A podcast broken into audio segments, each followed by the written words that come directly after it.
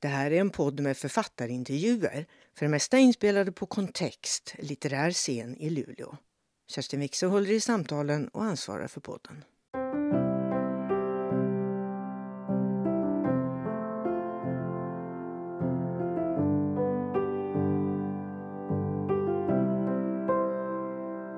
Hej alla! Och framförallt hej Yvonne. Hej. Välkommen till Kontext. Jag skulle bara vilja säga så här Yvonne, att jag tycker att du har skrivit en helt otrolig bok. Och så här var det att när jag, när jag hade läst ungefär en tredjedel av den så, eh, så var jag redan djupt imponerad av din förmåga att göra den europeiska historien så fantastiskt levande i minsta detalj. Jag kan väl säga att Per Wirtén han skrev en, i sin recension i Expressen att boken var så bra att han mådde illa. Jag undrar om jag någonsin har läst det i en recension. Ja, men skrev han inte också att det var som att försöka pressa in kokt spaghetti i ett korvskinn? Det läste jag inte. Sånt där minns man. Men sen var det så här att när jag hade läst två tredjedelar av boken då slog det mig plötsligt, jag är lite långsam ibland, att du faktiskt är professor i historia. Du har en del att luta dig emot. Men sen var det så här att när jag hade läst klart din bok, då var jag imponerad av någonting helt annat. Men det ska jag inte tala om vad, vad det var. Det ska jag återkomma till i slutet av vårt samtal. Mm. Och innan vi börjar så skulle jag vilja be dig läsa starten på din Ja, bok. det För det var göra. också starten på ditt arbete. Jag har ju upptäckt det att eh, det är så författare gör nämligen. De läser ju sina böcker. Precis. Ja. Här brukar vi läsa Så lite att, grann eh, ibland. Men det här ska du Men absolut det är läsa. ett privilegium att få göra det. Mm. Ja, nu ställer jag mig upp. Gör det. Där står jag som ett skrämt litet barn. Står där med hennes stora, fula, skära underbyxor hjälplöst i händerna. Hade hon såna underbyxor? Vackra, slanka, välklädda mamma med sin doft av Chanel nummer fem, sina välmanikurerade naglar och de vackraste runda knän som jag någonsin sett på en kvinna. Och så dessa förfärliga underbyxor. Nej, resår ner till var det ändå inte, men rejäla grejer. Hon kanske hade blåskatarr, man kan ju få det i klimakteriet, ja vad vet jag? Jag vet ingenting. Jag står där med min mammas underbyxor och denna malande tanke. Mamma är död, men de finns. Och inte bara byxorna. Hennes sekretär i valnötsträ är fylld av saker. Av virknålar och nagelfilar, säkerhetsnålar och genpennor. Små märken från olika fackförbund att sätta på dräckjackans slag. Otaliga efter alla konferenser och resor där hon tolkat. Och de små fickdagböckerna med korta, nästan stenografiska förkortningar. För vad då? Einar stjärna. Jag samlar alla sakerna i en kasse. Ja, vad annat kan jag göra? Slängde jag underbyxorna? Men jag måste ha slängt underbyxorna. Var det då jag hittade dagboken? I papperskorgen. Hade pappa slängt den? Mammas dagbok. Jag stoppade den i kassen. Hade pappa slängt den? Och det var inte någon liten fickalmanacka utan en riktig dagbok. Men så får man väl inte göra? Inte får man slänga mammas dagbok i papperskorgen. Jag vet inte vad pappa är när jag, är det bara jag där, röjer och plockar i mammas rum där i lägenheten i Stocksund. Han har nog sagt att du kan väl titta efter om det är något du vill ha innan jag slänger det. Och så slänger han hennes dagbok i papperskorgen. Trodde han inte att jag skulle hitta den där? Det måste ha varit kallt och vinter utanför. Hon dog i februari 1966. Jag kan aldrig komma ihåg datum. Jag måste lämna barnen hos A. Anja, som ska fylla två år. Eller har hon hunnit göra det? Och som aldrig mer ska ha en mormor. Och Thomas, som bara är fyra månader. Jag måste ha tagit det lilla tåget och sen gått upp för den branta backen till trevåningshuset där de bodde, deras sista lägenhet. En vacker trea med balkong och till och med med öppen spis. Ändå är det en nästan proletär lägenhet i det fina Stocksund. Fast jag minns att jag öppnade dagboken när jag stod i hallen på väg bort. Jag är en sån som, som bara handlar när jag är på vippen, på, på tröskeln, på väg ut. Som om jag kunde slippa undan då på något sätt. Vid den stora skänken, där, och köket är på min högra sida. Slår jag väl upp den och börjar läsa, tänker jag mig. En här, en där. Och så hittar jag de där raderna. Heute Nacht habe ich ein hässliches kleines Mädchen geboren. I natt födde jag en ful liten flicka. Det är jag.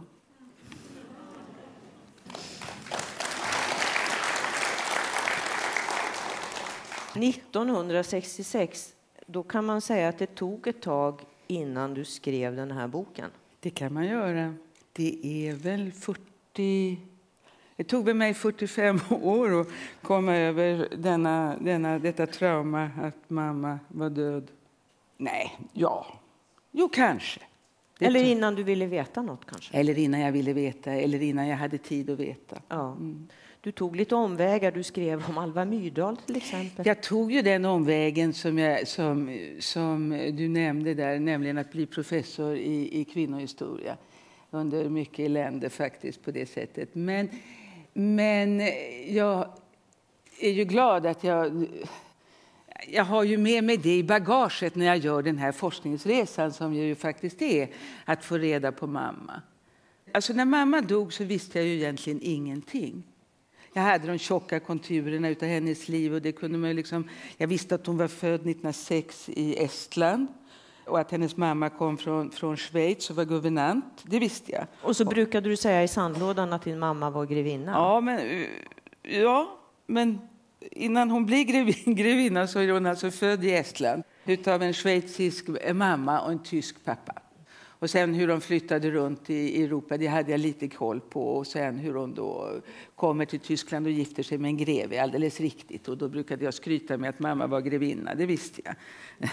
Men sen visste jag väl att hon hade försvunnit eh, i samband med Hitlers maktövertagande 33. Att hon hade då flytt ur Tyskland och träffat en kommunist och kommit till Moskva och så. Det visste jag. Men sen visste jag inte mer. Hade, hon, hade hon berättat det för dig, eller hur visste du det egentligen? Ja, på något sätt måste hon väl ha smugglat ut delar av sitt liv, alltså trots att det var då en odräglig familj hon hade hamnat i onekligen där i Hökarängen i, i, i Stockholm med pappa då, tio år yngre. Som, pappa var ju lärare. Och jag vet inte om du har märkt det, men lärare har ju liksom en tendens att prata väldigt mycket. Och eh, Einar var väldigt pappa då. Han var, han var eh, väldigt bra på att prata kan man säga.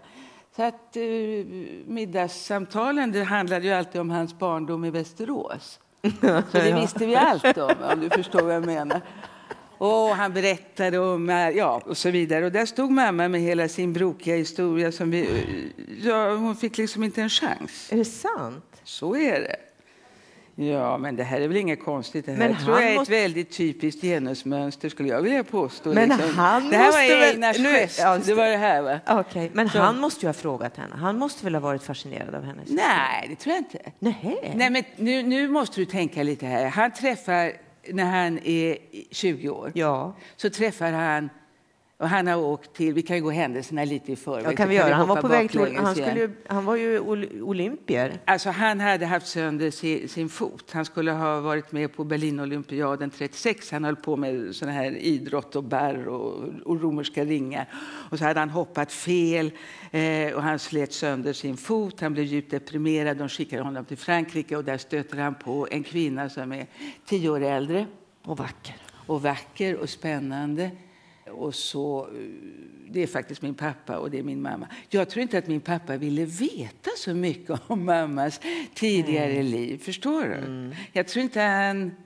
Nej. Nej, okej. Jag tror inte det. Alldeles för mycket män och alldeles för mycket äventyr och så, tror jag.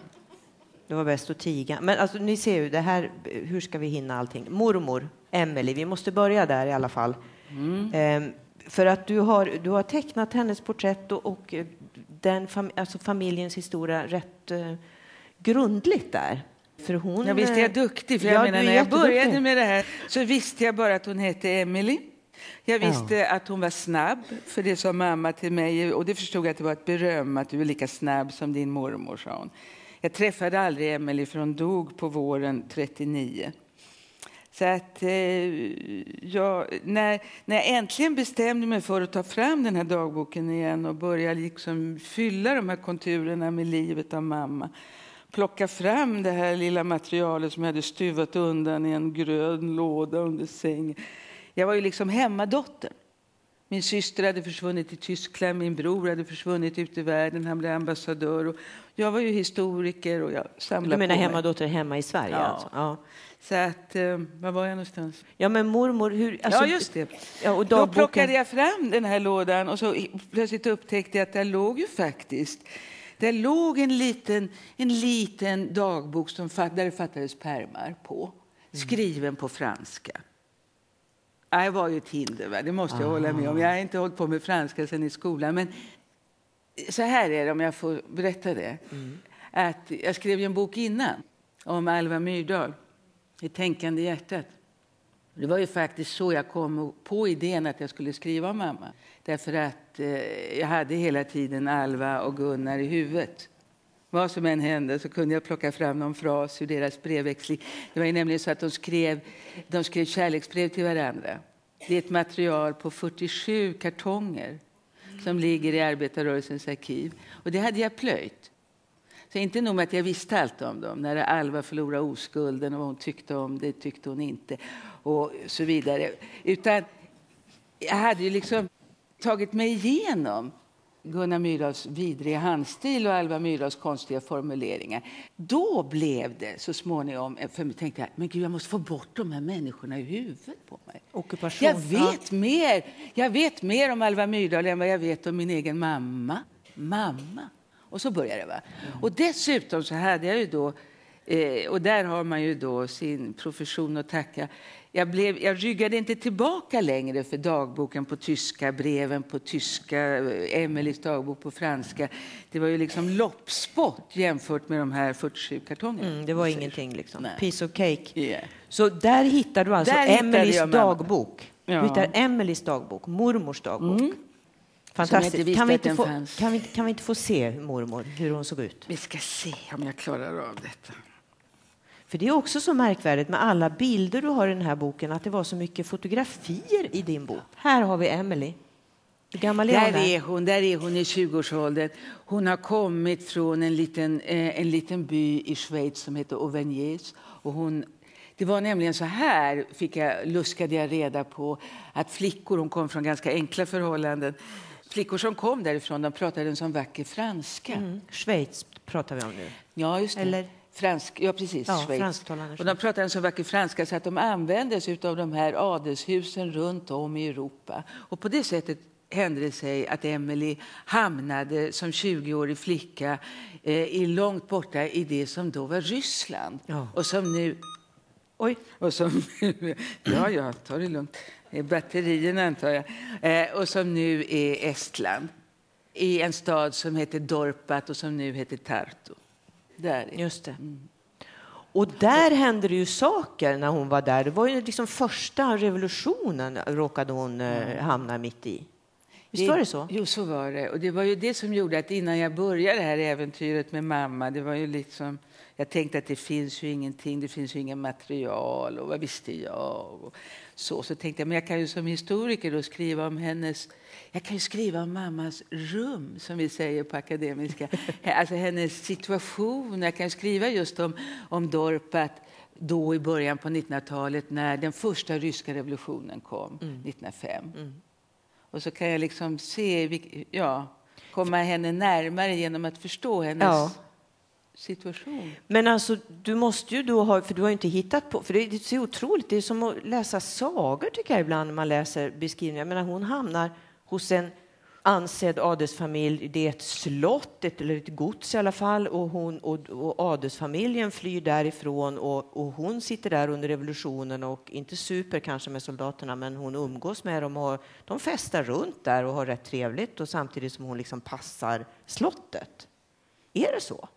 Ja, lite grann åt det hållet var det i alla fall. De lämnade, det var Lippards hette de, har jag tagit reda på. Då. Nätet har varit fantastiskt användbart. Otroligt. Det finns till och med en bild utav, utav slott Lippard som nu har brann ner under andra världskriget men som nu är Estlands nationalmuseum, tror jag. Ja. Ja, jag tror det i alla fall. Så.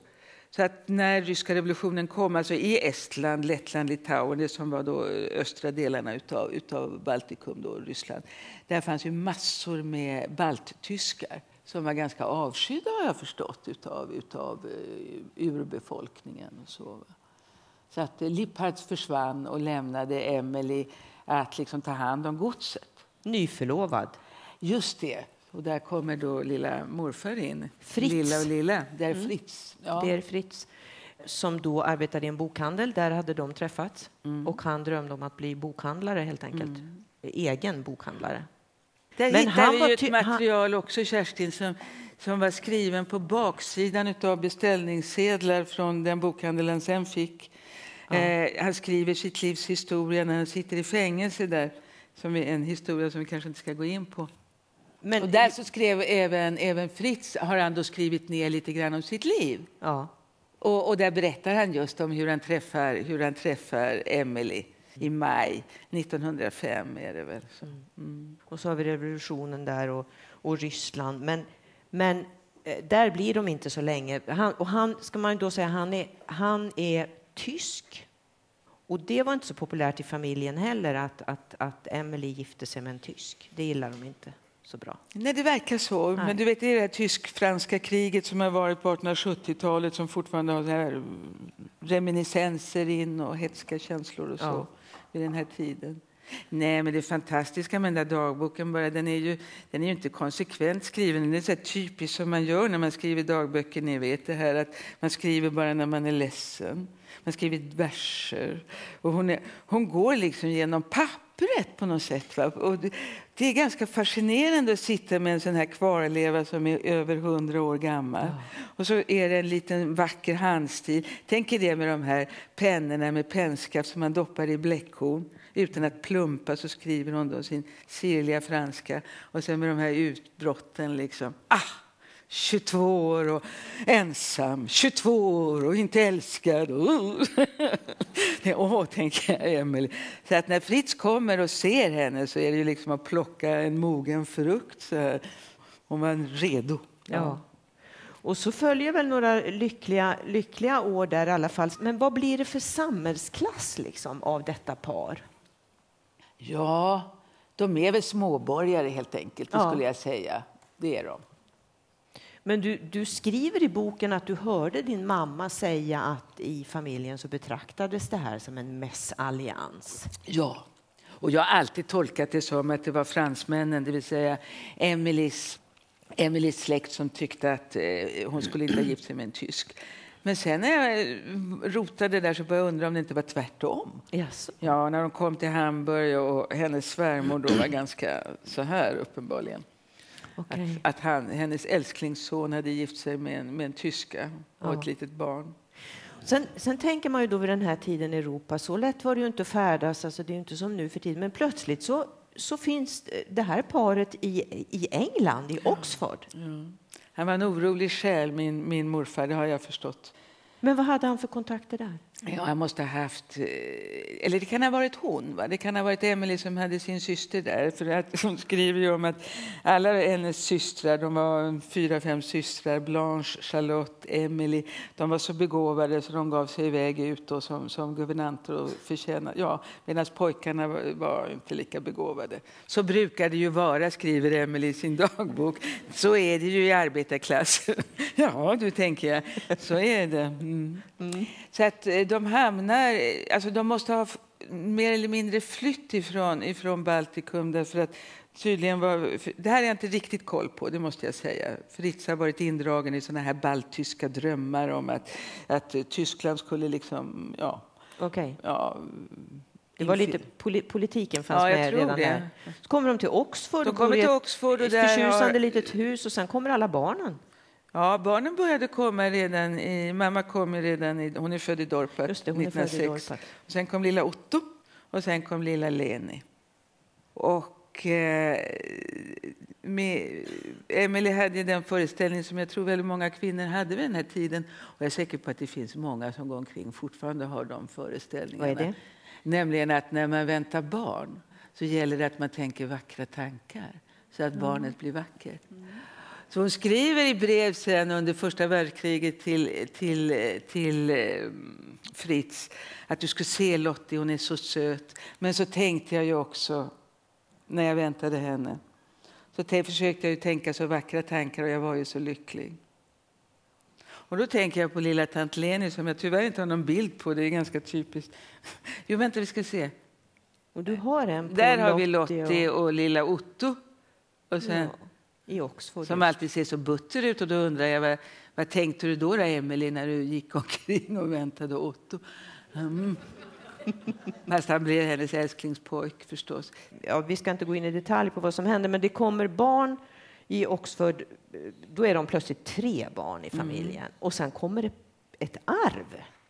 Just det. Och det förändrar hela familjens liv. Just det. Då, far, då måste Fritz ha hittat en annons i en tidning eh, att det finns en halv bokhandel att köpa som ligger i någon liten stad som ligger långt, långt borta i världen som heter då Men alltså, ham- var läste han det? Men det kan väl inte vara så att det man... måste ha varit såna här fackliga tidskrifter som de hade, bokhandlare. Det tror jag. Ser du. Människor organiserade sig väldigt mycket vid den här tiden och hade konferenser och grejer. Så det tror jag. Ja, Men det är det som gör det. För det här, det är då som, när jag hade kommit så här långt, jag skriver liksom framlänges, om du förstår vad jag menar, så var jag så illa tvungen då, eller illa tvungen, nu kom det äntligen det här att nu skulle jag ta reda på var det här var någonstans. Tjernovitz, Ja. Bukovina, Ja. Ja. Det var som en sån här ramsa som jag hade hört mamma. Det hade hon ju försökt berätta fast pappa då ändå Västerås och alltihopa. Så var det ändå det här med Bukovina, Tjernovitz, Radouts. Så att jag förstod att, så det visste jag. Men vad var det? Ja. Det hade jag ingen aning om. Det hade du och jag inte. visste inte liksom var det låg eller jag fick verkligen gå ut på nätet och leta. För det heter inte lika, eller en del heter likadant idag, men det ligger inte där det låg. Nej, nej, det har ändrat sig alldeles kolossalt mycket. Nej, alltså det låg då när Fritz kommer dit, förhoppningsfull, i januari 1912. Eh, så kommer han dit och tittar på bokhandeln och så bestämmer han sig och så kommer hela familjen efter då. 1912 far de genom Europa över Engelska kanalen med pick och pack och mahognymöbler och alltihopa liksom så far de den långa vägen. Det låg alltså i utkanten utav Österrike och Ungern. Men har inte du en karta? Jag har bara en karta på Bukovina, men jag tänkte att jag skulle berätta först vad det var. Alltså det ligger i kanten av Österrike-Ungern, det stora kejsardömet. Och där visar det sig att Bukovina, det var liksom det stora ordet. Det var, det var länet, så att säga. Landsdelen? Eller? Ja, just det. Tjernovitz, det var huvudstaden.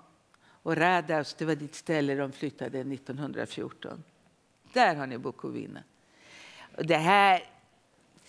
Jag borde ha haft en vanlig karta också, för att det här ser ut... Men alltså poängen med att ta den här bilden är att jag tänker mig att för mamma när hon går i skolan så måste den här kartan ha hängt där över, över Ja. katedern. Så måste hon ha suttit där i bänken och så måste hon ha tyckt att hon bodde mitt i världen. Måste hon ju. Ja, men jag menar nu... nu, Och alltså, nu för oss är det liksom en sån här... men Yvonne, hon hade, börjat sko, hon hade hunnit börja skolan i England. En engelsk skola, Mm. antar jag då. Och sen så hamnar hon här. Och vad talar vi nu om för språk? Ja, det är tyska. Nu är det tyska som Nu är det gäller. tyska, ja. Men då måste jag prata tyska hemma. Och franska. Ja, ja, så att hon hade språket Ja. med sig. Mamma hade alltid språken med sig. Och så kommer hon till det här eh, Bukovina. Och jag vet inte om ni ser att det är olika färger här som är inritade i de här olika cirklarna i Radas och Tjernovitz. Det, det är alltså eh, färger för olika folkslag. Där de gula, det är judar. De röda, det är rumäner. Och den blåa färgen där, det är, det är då rikstyskar eller tyskar. Och sen fanns det också eh, ukrainare och andra människor. Och ni ser vilket, vilket, vilken enorm myller av olika människor det var. Men du skriver ju i boken att, att den här stan, Tjernovich, att det var en metropol. Och dessutom var det den mest judiska staden i hela Europa. Ja, det är riktigt. När de kommer dit så är det över eh, 90 000 människor. Det är ganska mycket vid den här tiden. Ja. Och som sagt var, det är judarna hade fått liksom friare förhållanden att leva under i Bukovina och det, det utnyttjade man då. Och det är det som gör att den här kommande historien sen under mellankrigstiden när, när hela Bukovina hamnar under Rumänien och sen blir, kommer andra världskriget och det är då som, som, som ryssarna blir, eh, kommer först och sen tyskarna mm. och judarna deporteras det är verkligen liksom inte någon liten avkrok så där i Europa. Han drar, alltså så kan man inte säga att det var, utan det var ett kulturlandskap, åtminstone de här städerna. Absolut, ja. absolut. oerhört. Med det, här, med det här ganska äckliga ordet som ingen riktigt vet hur man ska handskas med, men med det här med mångkulturellt, så, så var det ju det. Det var många och de var kulturella och de levde liksom sida vid sida. Och alla hade, men de blandade sig inte. Nej. Det, så är det ju uppenbarligen. Det var ingen inte, inte Inte på det sättet. Jag kan tänka mig att det fanns en Romeo och Julia-historia med en rumäner som gifte sig med en jude och förskräckligt och folk slet sitt hår och så. Men, men eh, de levde liksom i fredlig samexistens och det var väldigt alltså, hög kulturell standard i den ja. lilla stan. Alltså Tjernovitz före första världskriget måste ha varit en pärla. Men det hittade du exempel på i litteraturen också. Men, men nu kommer ju första världskriget då. Ja, du ser liksom. Det var, jag tänkte att verkligheten överträffar verkligen dikten. Jag kan tänka på vad heter han, Wirtén med spagettina här liksom. Att hur gör man? Om man skriver en roman så kan man liksom fokusera på ett tema men, men, om man ska skriva en biografi så är man ju så illa tvungen att skriva om det riktiga livet. Och det låter sig inte riktigt stoppas in i ett korvskinn alltid herr Wirtén, hette han så? Mm. så att, eh, och då, alltså först har du då att de Du ska lever... inte fokusera på hans spagetti, du ska fokusera på att han har skrivit att, att du skrev en bok ja. att han, ja, som, som gjorde att han mådde illa. Ja, så bra var det. Ja. Eh, nej, först har du alltså ryska revolutionen, den första ryska revolutionen. Ja.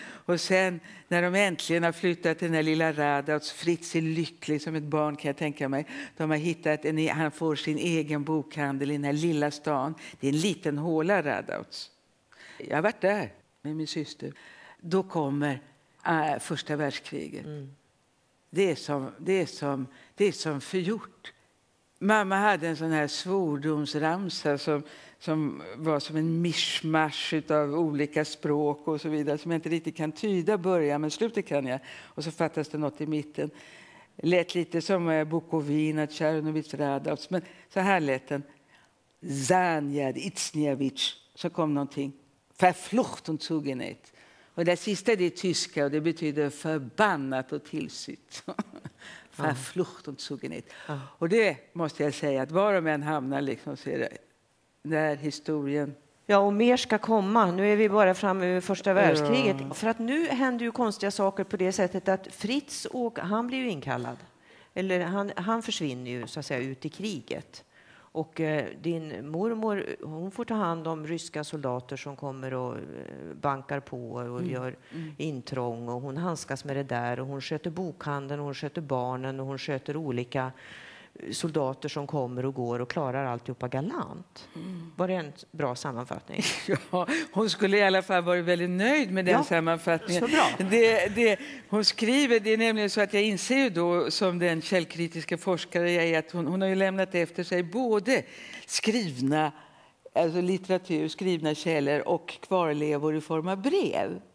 Och kvarlevorna, breven som, som går då till Fritz som befinner sig Gud vet var. Mm. Jag har inte ens hittat ta reda på det måste jag säga. Eh, där klagar hon ju lite mer. Va? Men sen det här skrivna, det här var hennes storhetstid i livet faktiskt, första världskriget.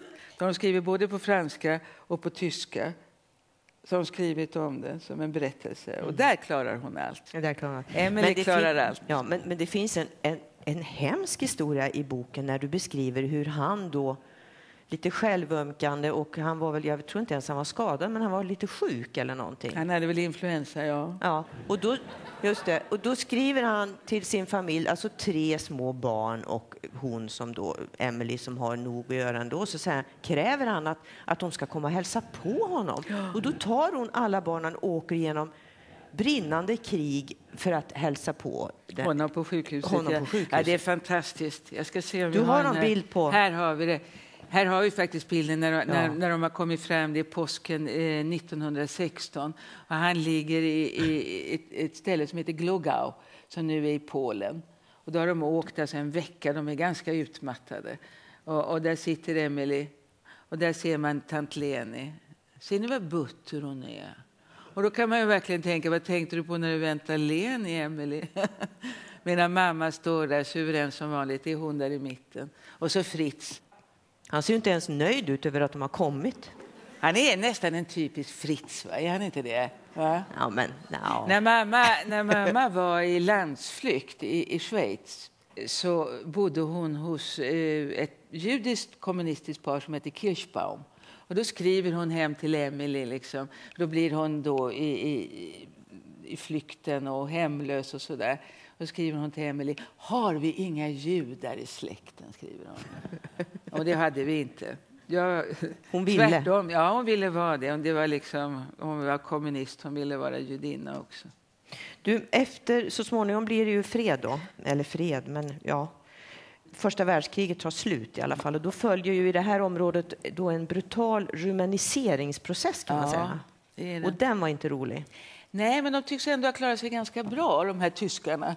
Eh, det var väl för judarna som det blev värre, det kan jag tänka mig.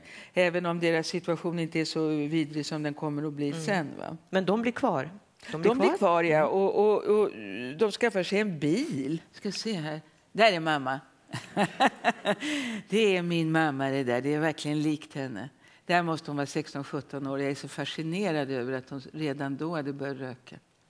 Men du, eh, mm. Charlottes barndom slutar eh, alltså ungefär samtidigt kan man säga. Alltså 1919 fyller hon 13 år, så hennes barndom är över när första världskriget är över. Mm. Och så när hon är 15 börjar hon arbeta i bokhandeln och hon går inte ut gymnasiet utan hon Nej, det är första lilla hemligheten ja. som jag stötte på. Då. Alltså, hittills har då källmaterialet, för att prata som en forskare, då, det har ju då bestått av eh, Emelies dagbok, det har varit fotografier, det har varit brev mellan Fritz och Emily. Det har det varit. Och inte ett ord från mamma. Jag menar, så, inte mycket att bygga en barndomsberättelse på. Då kan jag liksom eh, bli tokig när jag tänker på att jag inte frågade tant Leni hur det var att vara i Radas. Hon, mm. kunde ju, hon skulle ha älskat att berätta det för mig när hon var gammal. Ja. Men ja, så är det. Jag bara säger det. Passa ja. på i tid, säger jag bara. När Eil och jag kom till Radhaus... Din syster? Ja, min syster och jag. Nej, vi åkte ju äntligen dit för, för två år sedan. En ganska jobbig resa, kan jag säga. Dessa gamla systrar då min stånkande stora syster. Det är för mycket, säger det är för mycket. Vi åkte nämligen taxi i sex timmar för att komma upp där till den här lilla stan. Det finns, fanns inga andra förbindelser. Då visade det sig att det här finns kvar, det här, det här huset där bokhandeln ligger. Så då tog vi ett foto som jag har besparat er från att se, eh, där vi ställer oss framför eh, den här bokhandeln som nu är vitvaruhus. Det är kvar. Det är kvar. Synagogan är kvar i Radauts, fast det bara finns 14 judar där nu. Mm. Och där fanns många. Tusentals. Ja. Mm. ja.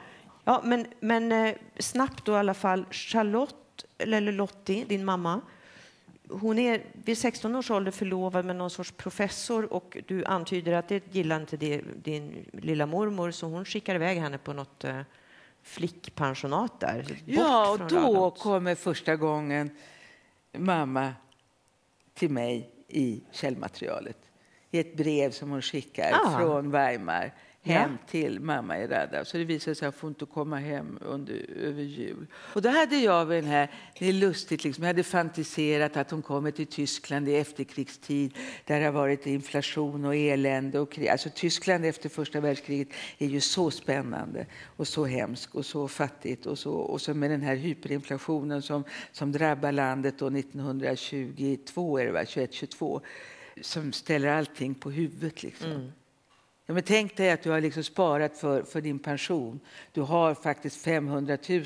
Om du snålar så kommer du klara det här. Det finns ingen pension. Och så på, en, på ett par veckor så kan du knappt köpa smör för pengarna. Mm. Det måste ju liksom ha gjort tyskarna traumatiserade. Det är inte så konstigt sen med den här utvecklingen som Nej. kommer. Men alltså... Och då, eh, då, då, då kommer hon fram i brev här. Och, Men då skriver hon mest om att hon broderar. Och, och jag hade ju då föreställt mig, det var det jag skulle säga, jag hade ju då föreställt mig eh, henne lite så halvsyndig och Som den där rökbilden. Ja, och så där att hon, ja. Och så kommer det här brevet där hon skriver om hur hon broderar och att hon hade på sig ett par lackskor och att, ja, nej men ni vet sådär. Mm. En ung flicka. ja, på flickpensionat. Ja, men så småningom, eh, om vi följer rubriksättningen i din bok så har du delat in det lite i årtal. Så om vi säger nu 20 till 27. Det, eh, 1920 till 1927, det är perioden då hon kommer att möta greven. Nu är Greven. vi framme vid greven. Greven. Stenbock hette han. Alexander Stenbock Fermor. Nu hör det till saken att när jag kommit så här långt som 1927 och jag har det här lilla futtiga brevet utav mamma, jag har de här få fotona, så har jag en hel bok där Stenbock, Alexander Stenbock Fermor berättar om sitt eget liv. Så att om honom vet jag allt. Och det, gör, det, det blir du lite sur över, märker jag. Jag blir nästan boken. lite irriterad. Där kommer liksom kvinnohistorikern fram i mig. Jag tänker att det är så typiskt. Och det som, eh, vad är det som kvinnor lämnar efter sig? Ja. Och vad är det män lämnar efter sig? Högar liksom utav material. Men nu var ju han författare. Yvonne. Nu var han författare, det var han. Men du ska veta en sak, att när jag besökte tant Leni i Leipzig 1983, det var då jag fick reda på att eh, Stenbock hade skrivit en bok som hette Der rote Graf, Den röda greven. Ja. Och eh, så tog tant Leni förtrytsamt boken och så visade hon på någon sida här. För där hade då Stenbock skrivit om när han träffade mamma. Och vad står det? Att han blev kär i en vacker rumänska, står det. Inga namn. Och sen det att han gör henne till rumänska, det gjorde min tysksinnade moster väldigt sådär. På det sättet var han också typisk för de här unga männen. Han hade då slagits i den vitbaltiska armén eller i den balt- tysk-baltiska armén på de vita sida. När, han var ju lätt alltså. Han hade sitt gods i Riga. Detta gods som brann ner, detta slott som brann ner. Men han, han liksom bar det alltid på sin, som ett osynligt slott på sina axlar. Liksom. Han var verkligen en adelsman. Va? Han var det. Mm. Även om han kom då till Tyskland fullständigt utblottad och, och fick lov att och försörja sig som gruvarbetare. Men jag menar, det, gjorde, det var ju ändå rätt märkvärdigt att han, att han faktiskt arbetade som gruvarbetare. Han hade Ett helt år. Ett, Ett helt, helt år, ja. ja. Menar, han hade ju någon sorts idé med det. Det var lite Günther Wallraff över honom. Ju. Det är lite det. Ja. Du vet, han skriver en bok sen, lite senare när de har gift sig som, som, som fortfarande finns i Tyskland och kommer ut faktiskt, som heter Deutschland von unten, Tyskland underifrån. Och då har det blivit 1930, då har krisen kommit, då har nazisterna börjat komma och då far, då far Stenbock runt på sin motorcykel och skriver reportage från, från detta Tyskland som han sen skickar hem. Så jag tänker mig att mamma sitter och skriver ut, så där, du vet, sån här klassisk då. Och det, den blev en stor succé. Ja, det blev den 1927. Och det, då, då, då träffar han mamma och de träffas i en liten stad som heter Jena. Och vad ligger där, vilket land är vi nu? I Tyskland. I Tyskland. Mm. Och där arbetar hon ho- på ett förlag Ja. och där arbetar han på förlag och där träffas de. Det, det finns kärleksbrev. Alltså hon, blev hon kär så där direkt? Eller hur? Nej, här finns inga kärleksbrev. Vi ska klargöra källäget då. Ja. Hur ser det ut? Det finns brev från mamma till Emily. ja. Att förlåt, förlåt, men nu har jag förlovat mig och jag har fått en klocka och jag skulle vilja bli gymnastiklärarinna. Är intressanta upplysningar alltihopa för mig. Så det finns det. Sen finns det ett brev från Stenbock till pappa Fritz där han ber om hennes hand och att han ska nog kunna försörja henne. Och sen så har vi då den här korta notisen i Stenbocks bok att han har träffat och blivit lite kär i den här rumänska. Och sen, när boken nästan var färdigskriven så kommer min bror med en kasse och säger att han hade hittat lite hemma. Då var det en packe med brev mellan Fritz och Emily som jag fick lov att gå igenom och ett manuskript från Stenbock som hette Mensch allein som han hade skrivit 1936. Och där berättar han om hur kärleken drabbade honom till mamma. Och där är det lite mera hetta i beskrivningen. Ja. Och ingen rumänska. Nej, Nej, Nej. precis. så, så där är de. Och Men- där är de när de gifter sig. Han är väldigt kort. Du. Han är väldigt kort. Han är, mamma är 1,65. Och det är är, väl Stenbock kort. också? Ja, Va? Ja. Lägg märke till händerna här. Ser du det? Han Är det gruvarbetar? Nej, det Nej. tror jag inte. Nej. Jag tror att det är militär. Aha, Jag vet ja, inte, men de, de ser ju lite nervösa ut. Det. Menar du nu? Jo, men jag hittade en liten lapp också från mammas hand där hon skriver om hon liksom skriver såna här staccato-meningar om sitt liv. Hon listar sitt liv. Och där står det då Alexander... Vad står det? Prygel, Ja. person och sånt Ja, där. det står något sånt. Mm. Prygel står det. Ja, Prygel det. står det.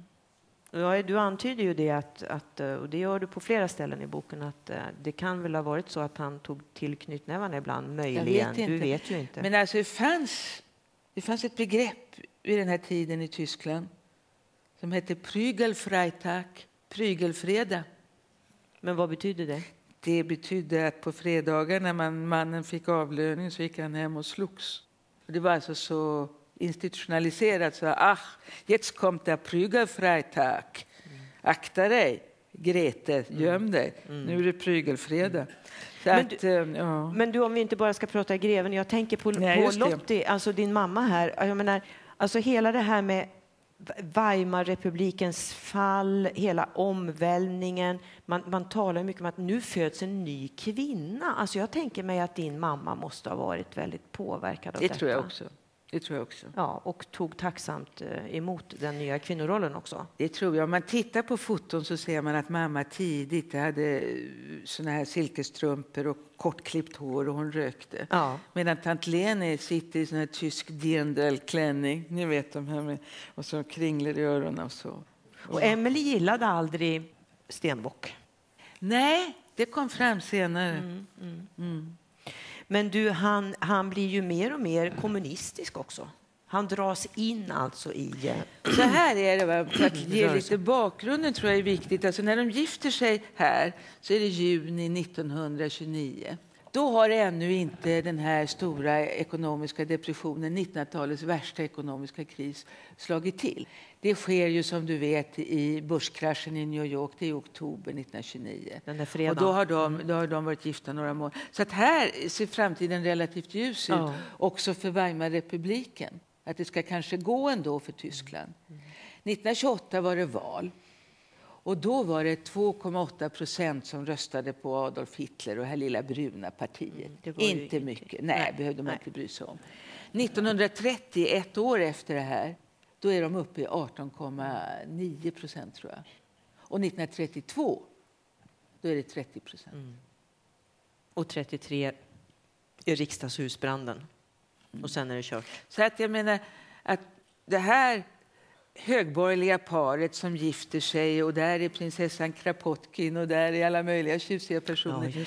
Ja, Eh, att de bägge två blir röda, så att säga, det, det, det, beror, det beror ju också på situationen.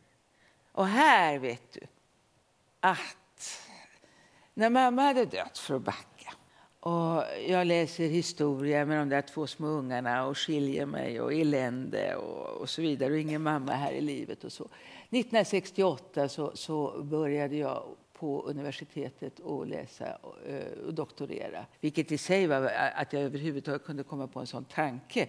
Det berodde på att min handledare hade muttrat lite grann när jag la fram trebetygsuppsatsen att har du tänkt på att fortsätta? Och det hade jag inte gjort. Hörde ni det där? Ja. Bara att få det, det var som att få en slags... Och, och då 68 så, så gick jag då till Sven-Ulrik Palme, som han hette, professorn, och, sa att jag ville börja och, och studera, eller doktorera i historia i FSU Sverige under andra världskriget. Och han föreslog förstås att jag skulle skriva om krigets inverkan på familjelivet. Och jag neg och sa ja tack. Sen gick jag därifrån och tänkte jag nej. Och så gick jag tillbaka. Och så sa jag, fast jag var hemskt blyg vid den här tiden. Men då är det nog mammas hand liksom som knuffar in mig där och så säger jag att jag vill inte skriva om krigets inverkan på familjelivet. Jag vill skriva om eh, Sveriges kommunistiska parti under andra världskriget. Det har jag gjort. Det är min avhandling. Så jag är en riktig historiker också, inte bara kvinnohistoriker. Och, och, då, 68, så var ju det här det var ju när allting var rött. Och att studera då kommunistpartiet under andra världskriget och förstå liksom den här kopplingen mellan SKP och Komintern, det vill säga Moskva och hur Moskva styrde de här nationella partierna och, och, och, den politik som de la fram, strategi och taktik med jämna mellanrum. 1928 så la de fram eh, eh, en, en strategi som gick ut på att kommunisterna skulle, skulle uh, kämpa en enhetsfront underifrån. Mm. Där gällde Tyskland, där gällde Sverige. I Tyskland blev det förödande. Det innebar att när Hitler och nazisterna började komma till makten så är arbetarrörelsen splittrad och kommunisterna slåss inte mot nazismen mellan 28 och 35, det gör de inte, utan de slåss mot något som de kallar för socialfascismen. Det vill säga Socialdemokraterna. Ja, ursäkta, ja. det var en sån här liten men alltså professorisk här, utläggning här. Men, nej, men här, men här lever hon i. Det är det här hon lever ja, i. Ja, precis. Och hon blir kommunist på hösten 1932. Ja. Och Stenbock har blivit det tidigare? Nej, han hade Nej, inte han det. Hade vet det. Jag vet inte riktigt när han... Han är lurig, den där Stenbock. Ja, jag litar inte riktigt på honom. Nej, jag märker Nej. det i boken också. Och han lyckas överleva hela kriget i, i Tyskland utan att lämna det landet. Ja. Och med den bakgrund som han har. Mycket konstigt att han inte hamnar i Jag tycker det är skumt. De, men, Nej, men hans bok, ju... vet du, den här Den röda greven. Ja. Den kom ut i DDR, Östberlin. Ja. Och nu när jag var där i Berlin, för boken ska nämligen bli översatt till tyska, så visade det sig att Stenbocks bok, Der Rote Graf, Den röda greven, var, som fotografen sa, som var uppvuxen i DDR, tvångslitteratur i skolan.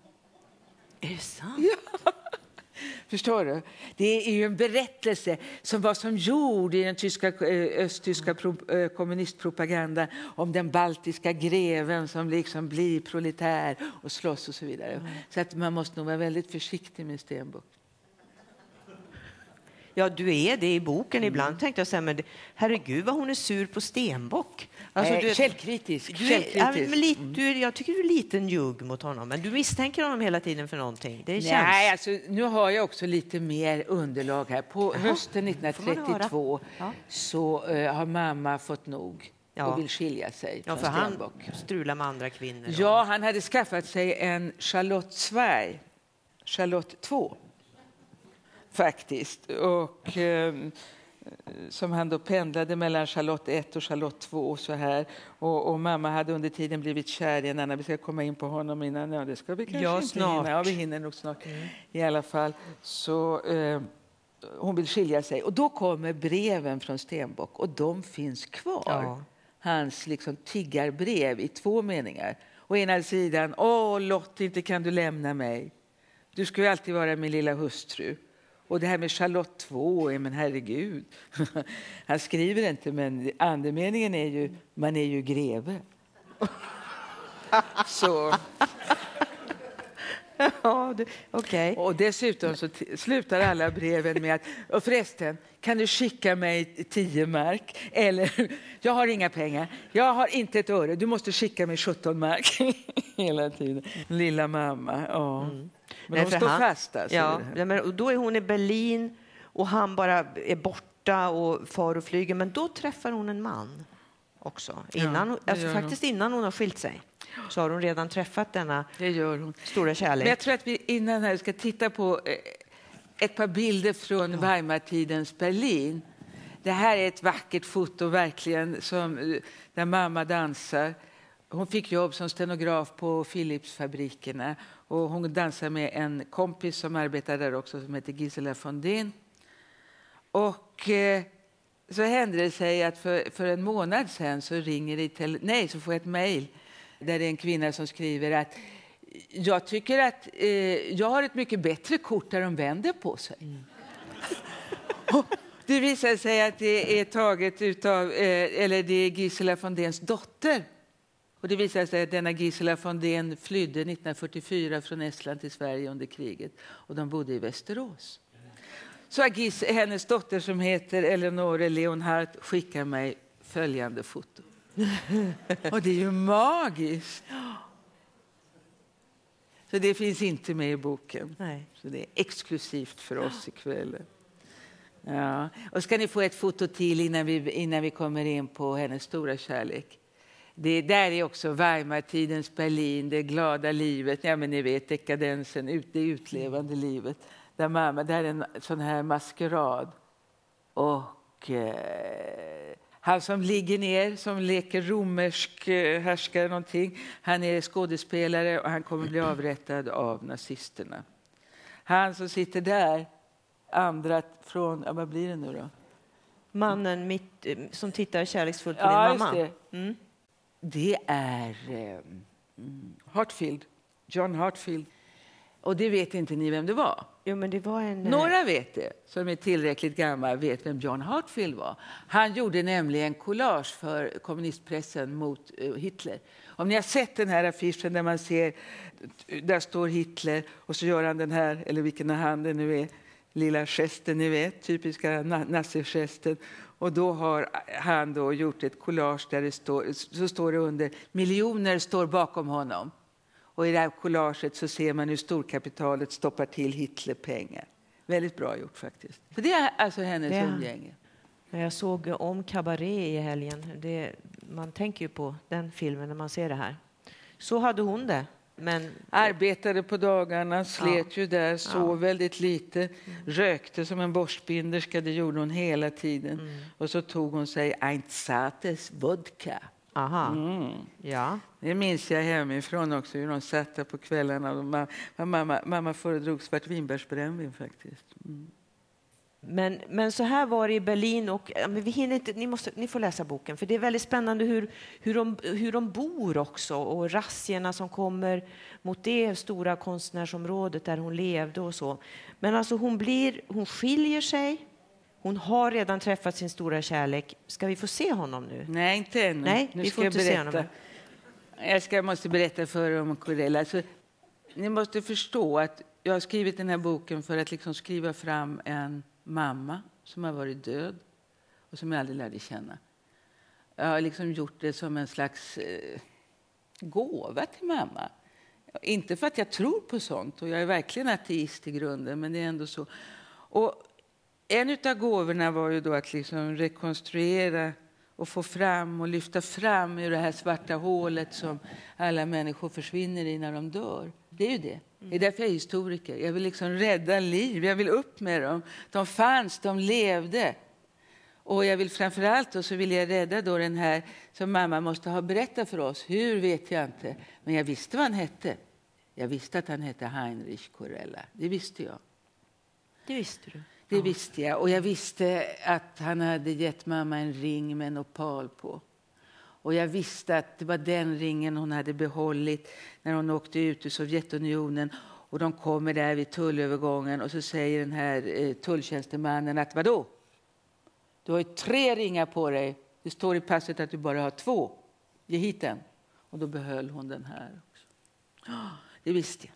Och så visste jag att han måste ha försvunnit. Han var kommunist, det visste jag. Att han, att han måste ha försvunnit i Sovjetunionen på 30-talet. Det var allt.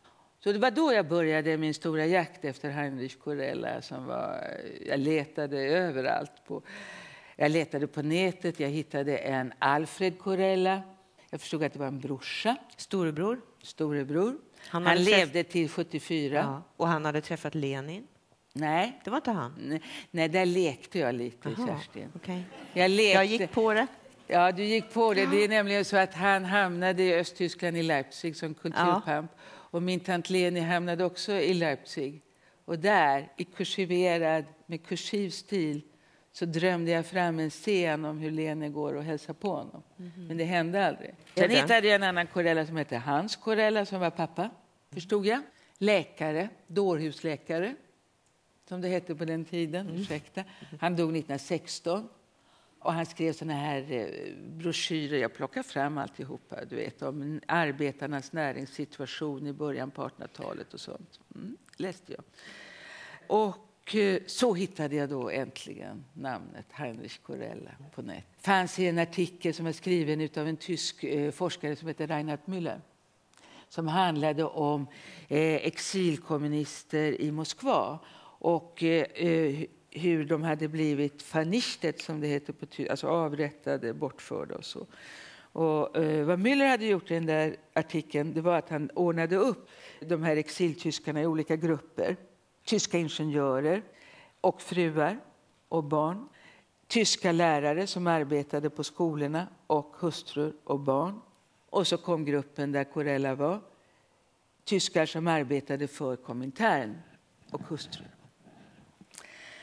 Så vad jag gjorde var då att jag fick eh, tag på Reinhard Müllers mejladress och jag mejlade honom snabbt som ögat, liksom så här, på tyska. Då, va? Mein Name ist Yvonne Hirdman. Jag pratar inte så bra tyska kan jag säga, det är lite pinsamt.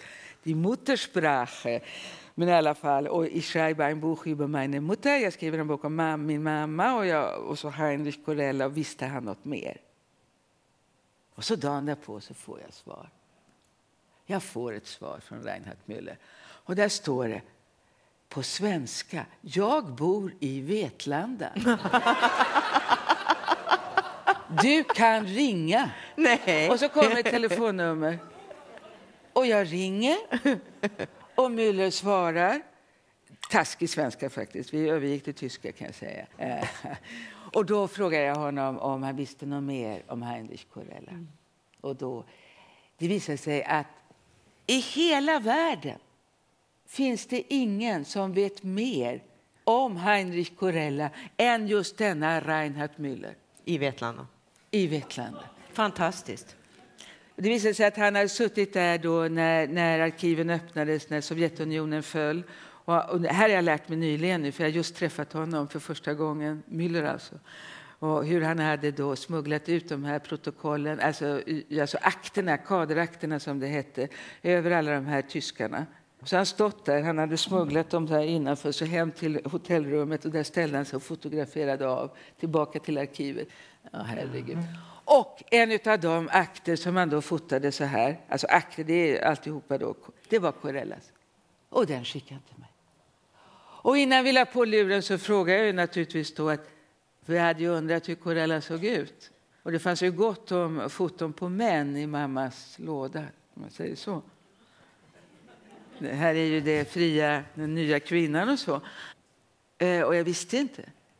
Du visste, inte, du visste ju inte vem... Jag hade ingen aning om hur jag såg ut. Och så frågade jag Müller då så här, om han visste hur han ser ut. Jo, säger Müller, det finns foton. Och så skickar han mig då hela materialet som han har skannat in på en CD-ROM, alltså tekniken. Och så får jag det. Gud, när du öppnade, satte i den CD-skivan, då bultade inte hjärtat jo, lite? Jo, det gjorde det. Och det är ett hemskt material. Ja. För där får jag reda på det mamma aldrig visste. Hur han blev utsluten och hur och avrättad. Men så här såg han ut. Och han var bara 32 år när han blev Han var bara 32 år när han blev dödad med ett nackskott utanför Moskva i ett fängelse som heter Butovo. Och det var den 28 oktober 1937. Och du tror inte men det var samma natt som, som mamma, som har blivit flykting i Paris, har en mardröm. Och du vet hur det är. Man vaknar upp mitt i natten, man måste bli av med den, man tror att den betyder någonting och hon rafsar ner på ett papper. Och det finns kvar. Från den 28 oktober 1937, där hon drömmer om att hon blir mördad. Det, då ryste ja. jag faktiskt lite grann, det måste jag säga. Mm. Men om pojke, ska... samma sort som, som eh, Stenbock, samma sort som pappa upptäckte jag. Ja, ja. faktiskt. Intellektuella. Lite veka. Lite veka, ja, lite gossiga. Men ska vi bara ta snabbt vad som egentligen hände? För det som hände var alltså att hon eh, lämnar Berlin, hon är i Prag. De flyr. De flyr, ja. Corella Eller, är ju kommunist, han har blivit kommunist. Ja. De, de flyr. Men han har redan åkt, hon är ju ensam. De flyr tillsammans till Schweiz. Okej. Okay. Och sen så... Åker han till Moskva? Och där blir hon häktad och lite tjafs. Ja. Men i alla fall, sen åker han iväg före till Moskva sen kommer hon efter. Ja. Men det jag skulle poängen säga... är att i augusti 1934 är mamma i Moskva. Ja. Men innan det skulle jag säga så, så träffar hon ju faktiskt lilla mormor har vi ju glömt bort här, Emily, sista gången som hon träffar henne. På gränsen Tjeckoslovakien. Eh, Tyskland, ja. ja. Mm. Och det är sista gången de det ser sista gången de Sen kommer hon till Moskva och så lever de där bland, alltså som du beskriver då, den här tyska kolonin bland många tyskar liksom, finns, finns det ju där, eh, likasinnade. Och sen kommer Moskvarättegångarna och så i spåren av detta, utrensningar en här, en där. Och, men Heini, som hon kallar honom, han, som jag förstår det i din bok, så ser han på något sätt till att, att din mamma kommer ut ur landet. faktiskt. Ja, det där är det sista, sista gåtan, det sista äventyret. Och det utgör ju då kapitel åtta kan man väl mm. säga. Va? Är det väl? Hur mamma kom ut ur Moskva. Och det där, där, där har jag verkligen nytta av att jag har varit historiker, eller är historiker. Det är så här att man kan tycka då att det är märkligt att liksom forska på sin mamma med den här ibland, vad ska vi kalla det för, nyktra blicken skulle jag säga. Mm. Men det är väl ungefär som att vara eh, läkare och operera blindtarmen på sitt barn. Man älskar barnet men man gör ett väldigt snyggt snitt i magen ändå. Tvärtom, man kanske gör ett ännu snyggare snitt. Men man kopplar bort den här snyftigheten ja. eller, eller så. Va? Så att här gäller det då att ja, Du är rätt kall när du beskriver det här, alltså, så att du är... Nykter. Nykter, ja. Mm. Saklig och mm. professionell. Ja, histor ja. historiker. Men med ett bultande ja. hjärta, kan ja. säga. Ja. Men alltså, man anar ju ändå, eller du kan ju inte vederlägga men alltså någon sorts... Jag menar att hon överhuvudtaget tar sig ut, alltså. Får lämna landet. Men det är lite fascinerande. Det finns ju då vi har inte pratat om Grete och det finns mycket som vi inte har pratat om. Massor med, med, med sidspår, spagettin i den här korven. Då. Inte den. Ja, men här, nu, nu får vi ta bort det här. Du skulle aldrig ha påmint mig om Nej. den där recensionen. Ja, vad var jag nu då? Ja, men alltså det här, vad är, det, vad är priset för att hon faktiskt får lämna Eh, Nej, men det är alldeles landet. uppenbart att hon, att hon har utfört någon form av eh, spionage. Ja, eller ska, har uppdrag att göra det. Ja, att hon har uppdrag. Ja, precis. Att det är GPU eller NKVD som har, som har försett henne med, med ett uppdrag. Det är alldeles mm. uppenbart. Och det är möjligt att Corella ligger bakom och ser till att hon kommer ut. Hade hon inte gjort det och nu vet jag när hon lämnade Sovjetunionen. Det mm. visste jag inte när jag började det här äventyret. Nej. Men jag vet att det var den 4 februari 1937. För att det är en sån där datum som hon hade sen. Det är, det är möjligt att det är Corella som, som nu har fallit i onåd. Jag har ju läst protokollen från de här mötena då på hösten 36. De är förfärliga. Alltså. Mm. Där, alltså I det tyska exilkommunistpartiet när Corella, stackars jävel, blir Die Frage Corella. Mm. Och du ska vi säga så här, för det är ju inte ryssarna som, som är på honom, utan det är tyskarna. Ja, men det är det som är poängen ja. med det här. Men man kan glömma det. Alltså. Jo, men de är ju alla, det är katten på råttan, råttan på repet, det är ju hela tiden. Det börjar med utrensningarna inom det bolsjevikiska centrumet och så vidare. Så Men Lottie, hon hamnar i alla fall i Köpenhamn. Har du någon bild? Titta. Ja, här är antingen Köpenhamn eller i Paris, där hon hamnade så småningom efter att ha försökt... Hon, och det är ju det här som är den, den, de här dunkla perioden. Hur kommer hon? Vad gör hon egentligen i Köpenhamn? Vad mm. är det hon ska spionera om? Vad är det för historier hon har berättat för Margarete Boben Neumann som är hennes väninna? Eh, stämmer det verkligen? Och det gör det inte. Nej. Det är alldeles Och vad gör... Det finns en akt, en sån här kaderakt också över mamma i de sovjetiska arkiven som min bror fick ut ur, ur Sovjet när han var ambassadör där och som är en mycket mystisk lista i början där på 99 punkter. Rena deckaren är det liksom. Och, och, där det står kommer till eh, Köpenhamn. Eh, alltså det är så staccato-liknande. Och där dyker det upp namn som Nils Bohr, Weisskopf, Platschek. Jag har tagit reda på vad Weisskopf och Platschek är. De är kärnfysiker de också. Så vad gör hon med dem? Mm. Och vad rätt, gör ja. hon med dem? Och hon flyttar dessutom in hos någon i, är det i Paris? Nej, det är Köpenhamn. Det är, Köpenhamn. det är Weisskopf som arbetade ja. för Nils Bohr. För Nils Bohr. Jag menar, det är ju som du säger, man kommer till Köpenhamn och så är man, umgås man i kretsarna kring kärnfysikerna och så kommer man till Paris och så umgås man i kretsarna kring kärnfysikerna. Bara hur det går till, men att man gör det. Men där har, jag verkligen, där har jag verkligen försökt att, och Kalle Blomqvist, det måste jag säga, och det är så att de forskare och historiker som håller på med spioneri och sånt här, va, de är jättetrevliga och de delar med sig. De är inte alls som vanliga historiker som sitter och håller på, utan vi lägger liksom pussel. Så jag har verkligen fått hjälp, men vi kan ändå inte riktigt... Det är ett par namn där som är... Ni löste inte gåtan. Och detta Men om den blir hon. översatt till tyska så man vet ju aldrig. Det Nej, kanske dyker upp. Det kanske dyker upp något mer. Men det här var inte någon middagskonversation hemma i Hökarängen i alla fall. Nej, jag, jag kommer ihåg någon gång hon började och då var det det här alltså. Ja, Västerås. Liksom, ja, så liksom. Men du, jag tycker, alltså det är så otroligt att man läser den här boken. Din mamma, vart hon än hamnade i Europa, så hamnade hon, kanske inte om när hon var spion med fysikerna, men annars så hamnade hon ju mitt i de intellektuellas gäng hela tiden. Jag menar hon, vilka personer hon umgicks med. Arthur Köstler och nämner du och du lämnar, nu ska vi se, eh, Wilhelm Reich och Ernst Block och hon Alltså, när hon kommer till Köpenhamn så är hon bland de intellektuella plötsligt direkt och när hon kommer till Paris är det likadant. Hur Mm. Hon gjorde hon? överlever på det här sättet, jag vet ju inte, men hon, hade, hon kände väl folk också. Ja. Och sen hade man ju, man hade ju inga skyddsnät, man hade ju bara varandra. Man måste ju hjälpas åt liksom. Och Stenbock och det, hade det hon rätt skapar hon stor... hela tiden, kretsar omkring sig Ja. med människor. Men du, hon hade rätt stor nytta av Stenbock även om du, tycker att, om du är lite sträng mot honom. Hon hade det, ja. Ja. Grevinnan. Ja, hon hade ju Jo, det. Hon kallade sig ju inte för fru Corella utan för grevinnan Stenbock. Ja. Det gjorde hon. Du, vi kommer inte att hinna. Alltså, ni, får ni måste läsa boken. Det är bara så. Det så, finns så otroligt mycket att prata om. Men vi har redan, du har redan berättat, för sen blev hon utslängd ur Frankrike och vad skulle hon göra då? Men då... Hon kom ju dit som, hon är ju flykting. Hon har, ju, hon kan, hon har blivit ausgebürgert från Tyskland. Hon har förlorat sitt tyska medborgarskap, Ja. vilket hon är väldigt stolt över. Sen blir hon uteslängd ur kommunistpartiet, vilket gör henne, plågar henne. Hon vet inte vad Corella är. Hon skriver kärleksbrev som hon inte postar. Hon skriver verser.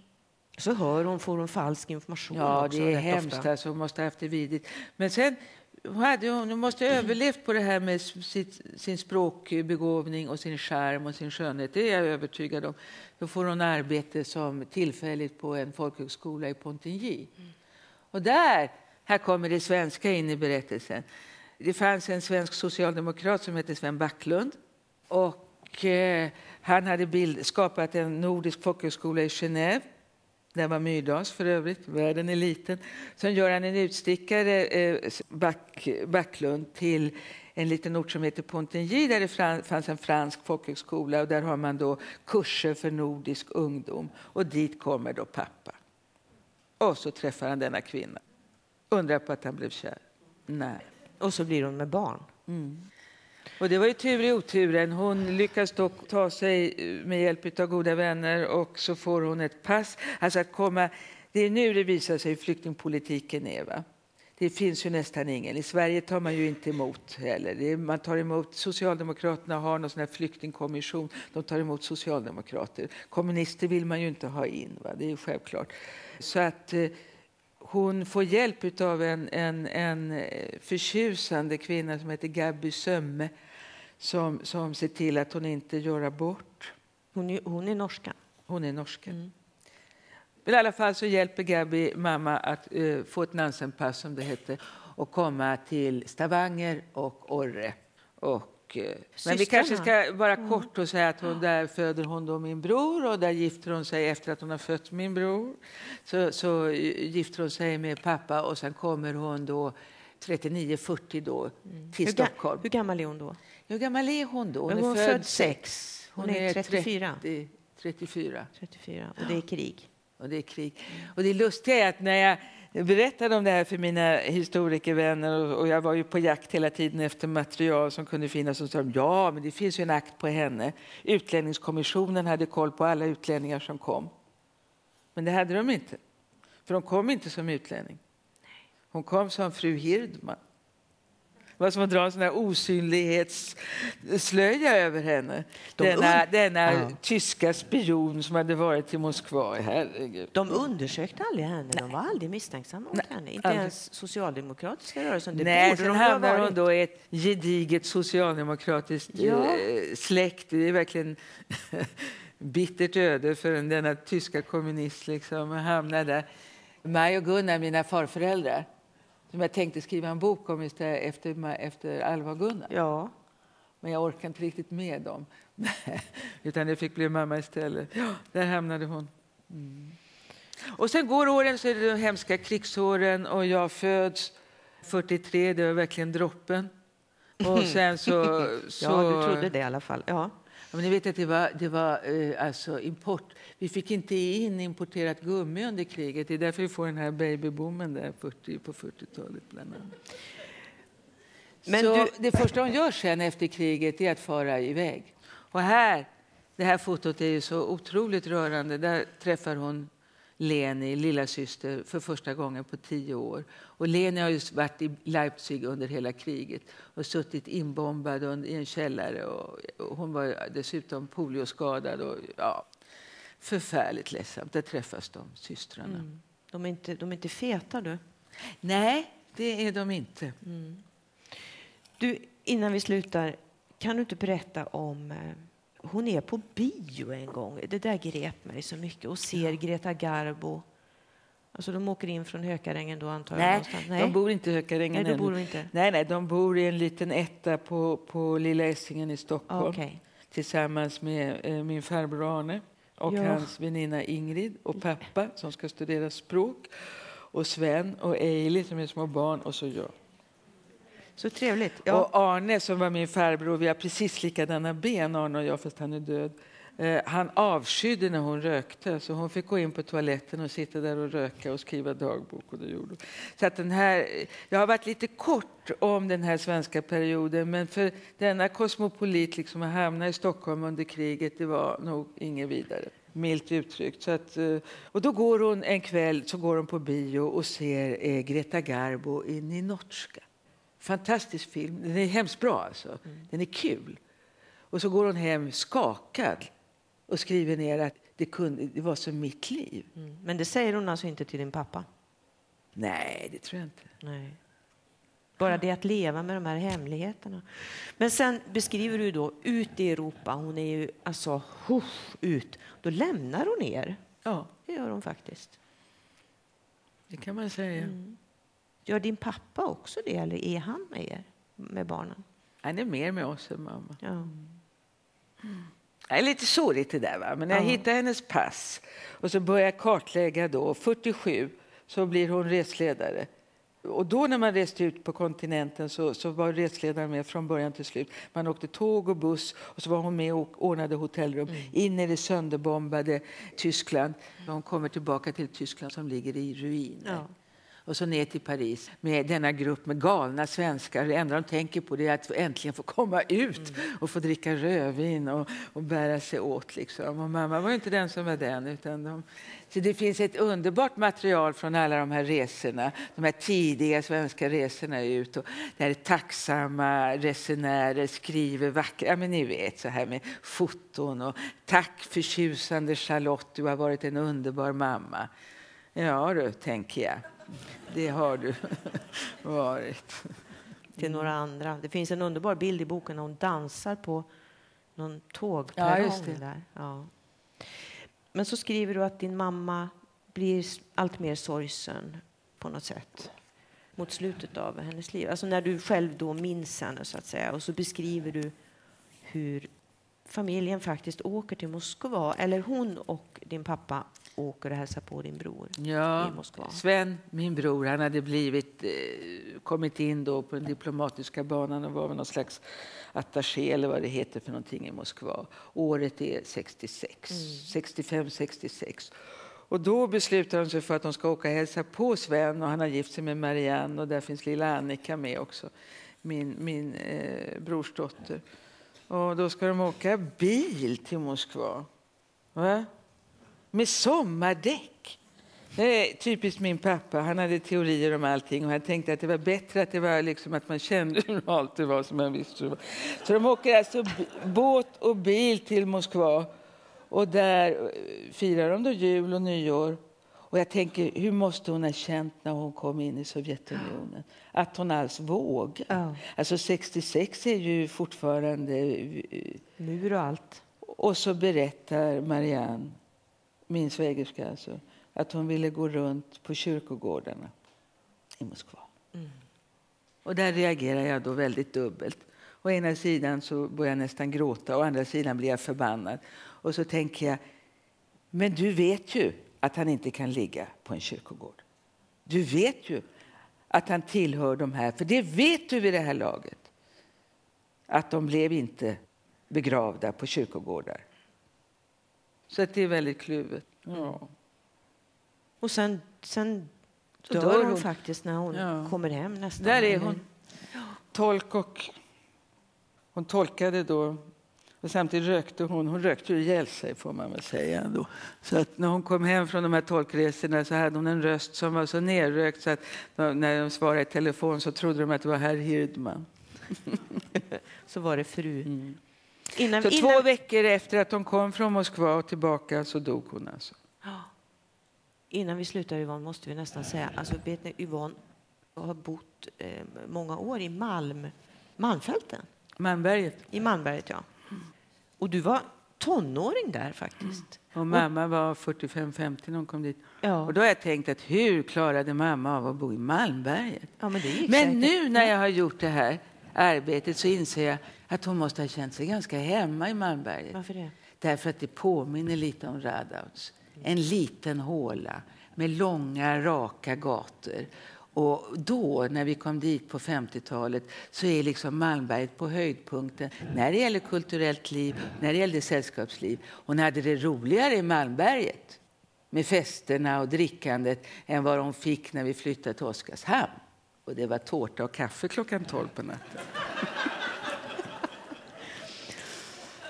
Yvonne, nu återkommer jag. Nu ska jag avsluta med det här, alltså det jag sa i början, att eh, det där när jag läste din bok eh, och vad jag blev imponerad av.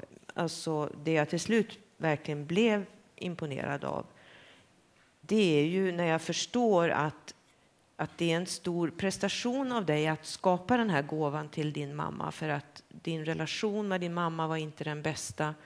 Du var rätt eh, förbannad kanske på henne för att du inte fick älska henne som du borde ha fått, som man gärna vill älska sin mamma. Och smärtan i det här. Och så skriver du ändå den här boken. Men kanske hade det också någonting att göra med det du då till slut, som den historiker du är, upptäcker så upptäcker du vad det egentligen står i den där dagboken om natten när du föddes. Ska jag ta det? Ja, vad stod det? Till slut tog jag fram dagboken igen. Då. Mammas handstil, spretig tyska. Exerpera som vi historiker gör. Och så kom jag då till det här avsnittet. Då. 23 i 1943. Den 18 i 10 den 18 i första 10-11 på morgonen fick jag åter en liten dotter, 2920 gram. Ja, hon rökte ju. Mm. 47 centimeter lång, mörkt hår, väldigt lik Gunnar och Arne. Det är min farfar och farbror. Mina händer och öron, ganska ful så här i början. Det är skillnad. Det är en viss skillnad. Men det är, tycker du också det Yvonne, att det egentligen är din stora prestation att du har eh, gått igenom den här smärtan och gjort det här, gett din mamma den här presenten fast du kanske egentligen inte hade tänkt det. Ser du det? Kan du se det? Är... När jag fick boken i min hand för ett år sedan, den kom ju ut i januari, det var då först jag insåg vad jag hade gjort. Och då tänkte jag, och då grät jag, och då tänkte jag, ska jag sitta och prata om mamma? Nej, aldrig i livet. Ska jag sälja mamma? Nej, aldrig i livet, tänkte jag. Och vad gör jag? Jag pratar om mamma och jag pratar om mamma. Och det visade sig att det, var, det är ju inte så farligt faktiskt att göra det. Men det var svårt i början. Ja, det var jättesvårt i början. Nu är du bättre på det. Ja, nu tycker jag att eh, jag känner hennes tillåtande. Make the best of it, Yvonne, som hon alltid sa. Make the best of it. Och det gjorde du verkligen ikväll Yvonne. Tack. You made the best of it. Tack för att du kom hit.